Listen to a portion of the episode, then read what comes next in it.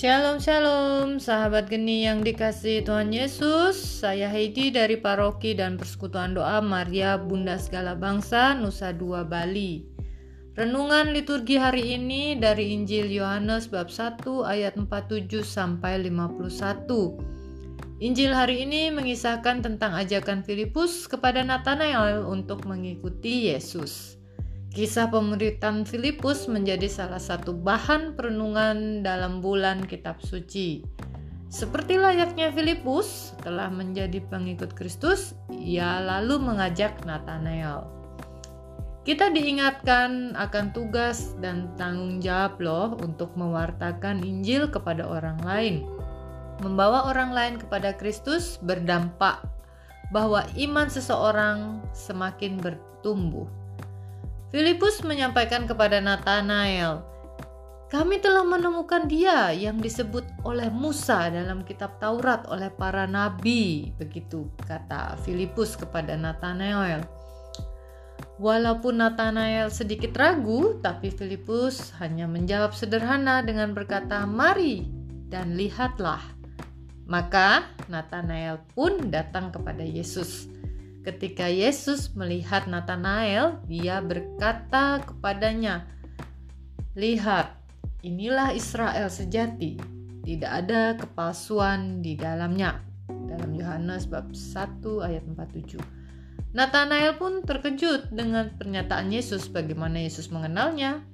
Yesus pun menjelaskan, "Sebelum Filipus memanggil engkau, aku telah melihat engkau di bawah pohon ara." Istilah di bawah pohon ara biasanya bermakna bahwa seorang Yahudi duduk di bawah pohon ara untuk berdoa dan merenungkan firman Tuhan. Pada saat itulah Nathanael langsung terpanggil dan menjawab, "Rabi, engkau anak Allah, engkau raja orang Israel." Yesus pun menjanjikan Nathanael akan melihat hal-hal yang lebih besar apa yang dimaksud dengan hal-hal yang lebih besar? Yesus berkata, "Sesungguhnya engkau akan melihat langit terbuka dan malaikat-malaikat Allah turun naik kepada anak manusia."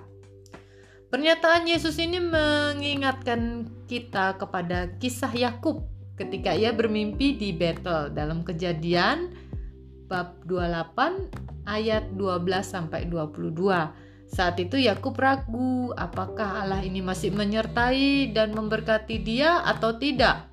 Lalu Yakub bermimpi melihat sebuah tangga yang ujungnya sampai di langit dan malaikat-malaikat turun naik di tangga itu.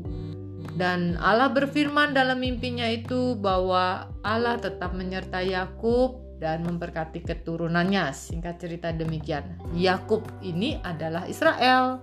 Maka ketika Yesus menyatakan hal yang sama kepada Nathanael, Yesus ingin menegaskan bahwa dia dan murid-muridnya adalah Israel baru.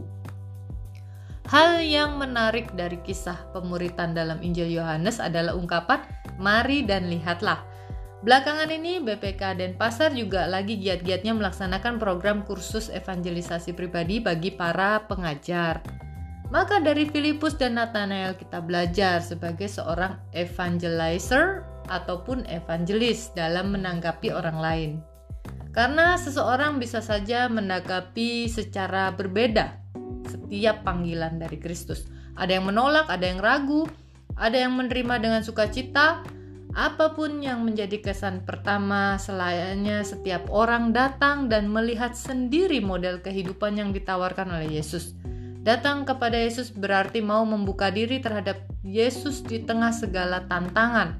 Sedangkan melihat Yesus berarti mengalami sebuah pertemuan pribadi dengan Yesus yang pada akhirnya merupakan kisah Kristus dalam kehidupan pribadi kita. Bagaimana cara manusia mengalami pertemuan pribadi dengannya? Ada banyak cara. Salah satunya kalau Nathanael Israel sejati memberi solusi duduk di bawah pohon ara berdoa dan membaca sabda Tuhan. Kita di sini pun demikian, walaupun nggak mesti harus di bawah pohon, apalagi di bawah pohon ara, karena di Indonesia kan nggak ada pohon ara.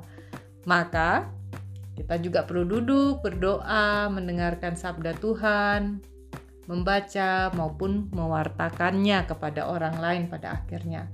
Maka tetap semangat mewartakan firman Tuhan lewat kesaksian hidup kita. Yesus Kristus menyertai dan memberkati kita semua. Amin.